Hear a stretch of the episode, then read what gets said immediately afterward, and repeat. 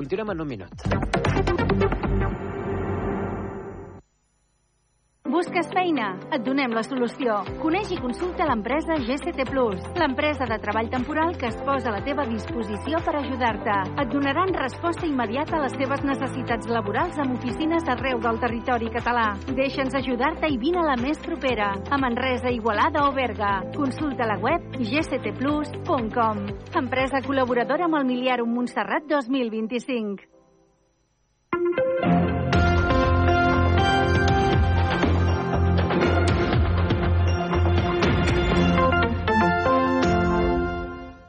El cap li girava. Subministren energia i ara ens ajuden a produir-la! No!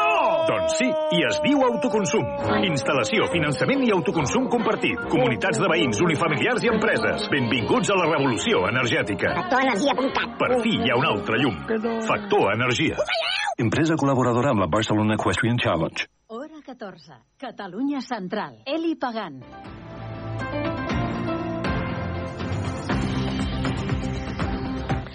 Hola, què tal? Molt bon migdia. Hora 14, passen 20 minuts de les dues. Hores d'ara, 4 graus al centre de Manresa. I és que, sens dubte, les baixes temperatures són les protagonistes d'aquesta jornada d'aquest dijous 28 de desembre, dia de Sants Innocents. No és cap innocentada. Avui temperatures molt fredes les que hem tingut a la Catalunya central. A la capital del Bages, alguns punts de la ciutat han tingut mínimes de menys 4 graus sota zero. Pel que fa a la comarca del Bages, la mínima més alta, més freda, se l'emporta, com sempre, la població d'Artés, que avui ha arribat als 6,7 graus sota zero. A Cardona, déu nhi també lo baix que han arribat avui de temperatura mínima amb menys 5,7 graus. Com dèiem, la ciutat de Manresa amb aquests 4 graus negatius i si ens anem al Solsonès, el rècord se l'emporta al municipi de Guixers, que ha arribat als 7 graus sota zero. I avui els hem de parlar també d'aquest accident que va tenir lloc ahir a la zona del túnel del Guixaró a Porreig, amb molts vehicles implicats. És una crònica que ens arriba des de Televisió del Berguedà amb el nostre company Héctor Aranda. L'accident en cadena de 12 vehicles ahir al migdia al túnel de Casserres a l'autovia C16 en direcció nord ha deixat un balanç final de 10 persones ferides, dues d'elles greus, les quals van ser evacuades en ambulància a l'Hospital Sant Joan de Déu de Manresa. De les altres vuit víctimes, totes amb pronòstic lleu, tres van ser evacuades preventivament a l'Hospital de Berga, quatre al Centre d'Urgències d'Atenció Primària del Cap Bages, a Manresa, i una va rebre l'alta al mateix lloc de l'accident. Pel que fa a les conseqüències per la circulació viària, l'accident va provocar cues en direcció nord de gairebé 5 quilòmetres entre Porreig i Navàs, a l'autovia, i retencions a la comarcal 1411Z al seu pas pels nuclis de Calprat, el Guixaró, Viladomiu Nou i Viladomiu Vell. La situació no es va normalitzar fins gairebé a les 5 de la tarda, tot i que l'autovia es va reobrir el trànsit en sentit nord als vols de les 4. Les tasques d'avaluació de ferits, investigació, presa de declaracions i neteja de la via van durar més de 5 hores des del moment de l'accident a quarts de 12 del matí i fins la reobertura al trànsit. Va ser necessària l'actuació de tres dotacions dels bombers, ambulàncies del SEM i dotacions dels Mossos d'Esquadra de trànsit, a més del servei de grues per retirar els 12 vehicles implicats en el sinistre i la neteja de la calçada per part de les brigades del servei de manteniment de l'empresa Cerinsa, concessionària de l'autovia.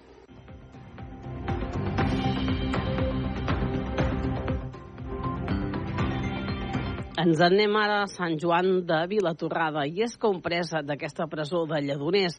A Sant Joan ha mostrat a TikTok com és la presó de Lledoners per dins i ho fa a través d'un mòbil il·legal. És una crònica del nostre company Eduard Font. En les darreres setmanes, la Central Sindical Independent i de Funcionaris, el Sindicat de Presons, ha denunciat diversos incidents a la presó de Lledoners a Sant Joan de Vilatorrada. Ara, el diari Crònica Global ha publicat que un pres, a través d'un mòbil il·legal, es dedica a penjar vídeos a TikTok ensenyant com és el centre per dins. A la xarxa social, el pres es diu ACAP 1312, l'acrònim del Arbast Masters. Fons policials expliquen a Crònica Global que el reclús penja els vídeos amb total impunitat i recorden que els mòbils dins de les presons estan completament prohibits. En les imatges, l'intern mostra la vida diària dins de la presó, un passadís de cel·les sense finestres, una zona comuna en zones diàfanes, un bany al pati amb visibilitat exterior per si hi ha incidents o una safata de menjar preparat. També una màquina de tatuar casolana al pati de jugar a futbol o l'hort on es cultiven verdures, en què es pot escoltar reclusos que els hi exigeixen plantar altres herbes. En algun dels vídeos fins i tot es pot veure la cara d'algun dels interns. Pel que fa a les imatges, fons del sector de la seguretat han alertat que la presó de Lledoners està plena de mòbils tipus smartphone que ningú sap com han entrat. La direcció del centre sospita que els dispositius s'estarien colant a la penitenciaria amb l'ajuda de drons que sobrevolen els murs elevats. De fet, fa poc més d'un any ja es va trobar un dron carregat amb droga i un mòbil a l'exterior de la presó de Sant Joan de Vilatorrada. Segons el diari Crònica Global, aquesta situació no agrada a funcionaris i policies que alerten que la presó de Lledoners està fora de control.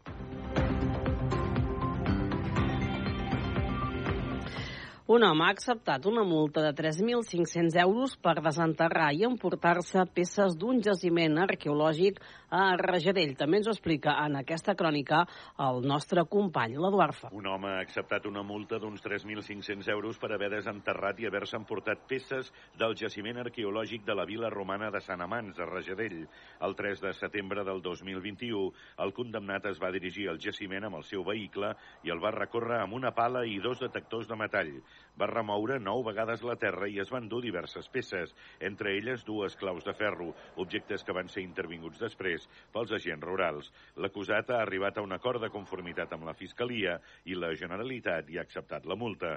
La sentència constata un perjudici molt difícil de calcular.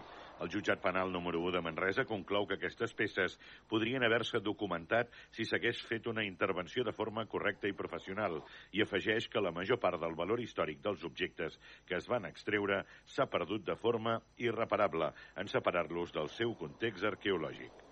A més, també destaca que les accions de l'acusat poden haver afectat les estructures arqueològiques constructives conservades al subsol i que caldrà fer una intervenció arqueològica al jaciment amb un cost estimat de 2.000 euros. Per tot plegat, l'acusat haurà de pagar uns 1.500 euros de multa per un delicte contra el patrimoni històric i per un delicte lleu d'apropiació indeguda, a més dels 2.000 euros al Departament de Cultura per cobrir el cost de la intervenció. I ja obert portes, el Campi qui jugui és una crònica del nostre company, el Quim Roura. El Palau Firal de Manresa ha obert aquest dimecres les portes de la 38a edició del Campi qui jugui.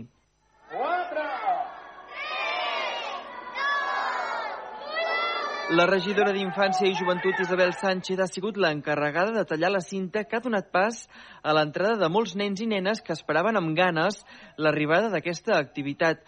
Una proposta que s'emmarca en les activitats nadalenques organitzades per l'Ajuntament de la ciutat durant les festes. Enguany, l'eix temàtic d'aquest Saló de la Infància i la Joventut gira al voltant dels continents. Això amb l'objectiu de reivindicar la diversitat cultural que caracteritza el planeta Terra. I com sempre, el Campi qui jugui amb l'objectiu d'educar i entretenir s'hi proposen activitats que en aquest cas representen la riquesa cultural de cada regió. Cada un dels tallers va dedicat aquest any a fer una manualitat que recorda a un dels continents, des d'Oceania fins a Europa i passant pel continent africà. I ara anem, ens n'anem a la informació esportiva que ens porta el nostre company, en Carles Joder. Josep Maria Herms estrenarà la seva cadira de president del Baxi Manresa a la llotja presidencial del pavelló del Congost aquest divendres en el derbi català entre el Baxi Manresa i el Joventut de Badalona. Un partit de transcendència important, ja que els dos equips estan jugant la seva classificació per a poder estar presents a la Copa del Rei de Màlaga del proper mes de febrer. Si el Baxi Manresa guanya, se li posarà molt de cara poder estar a Màlaga. El nou president s'ha mostrat convençut que el Baxi pot aconseguir la victòria en aquest partit. I, per tant, la il·lusió, les ganes i tot plegat hi són. Si aquella última dècima de segon, aquell triple tirat eh, entrarà o no, jo espero no haver d'arribar això i que puguem guanyar la penya eh, bé. Per al partit entre el Manresa i la penya es preveu el retorn del base del Baxi, Dani Pérez, que pot ser un element important en el joc manresà. Per la seva banda, el Joventut de Badalona ve després de perdre de forma contundent en la Lliga ACB davant del Real Madrid, però després d'haver aconseguit una victòria en competició europea. El partit començarà a dos quarts de nou del vespre i el podreu seguir per Ràdio Manresa en una retransmissió que s'iniciarà a les 8 del vespre. El Baxi Manresa, amb la presidència de Josep Maria Herms, inicia una època de renovació important. Primer amb l'ampliació de capital, que s'iniciarà aviat i en la que es demanarà l'aportació del màxim de persones més enllà de les empreses que puguin aportar. Acabem, dos quarts de tres. Bona tarda.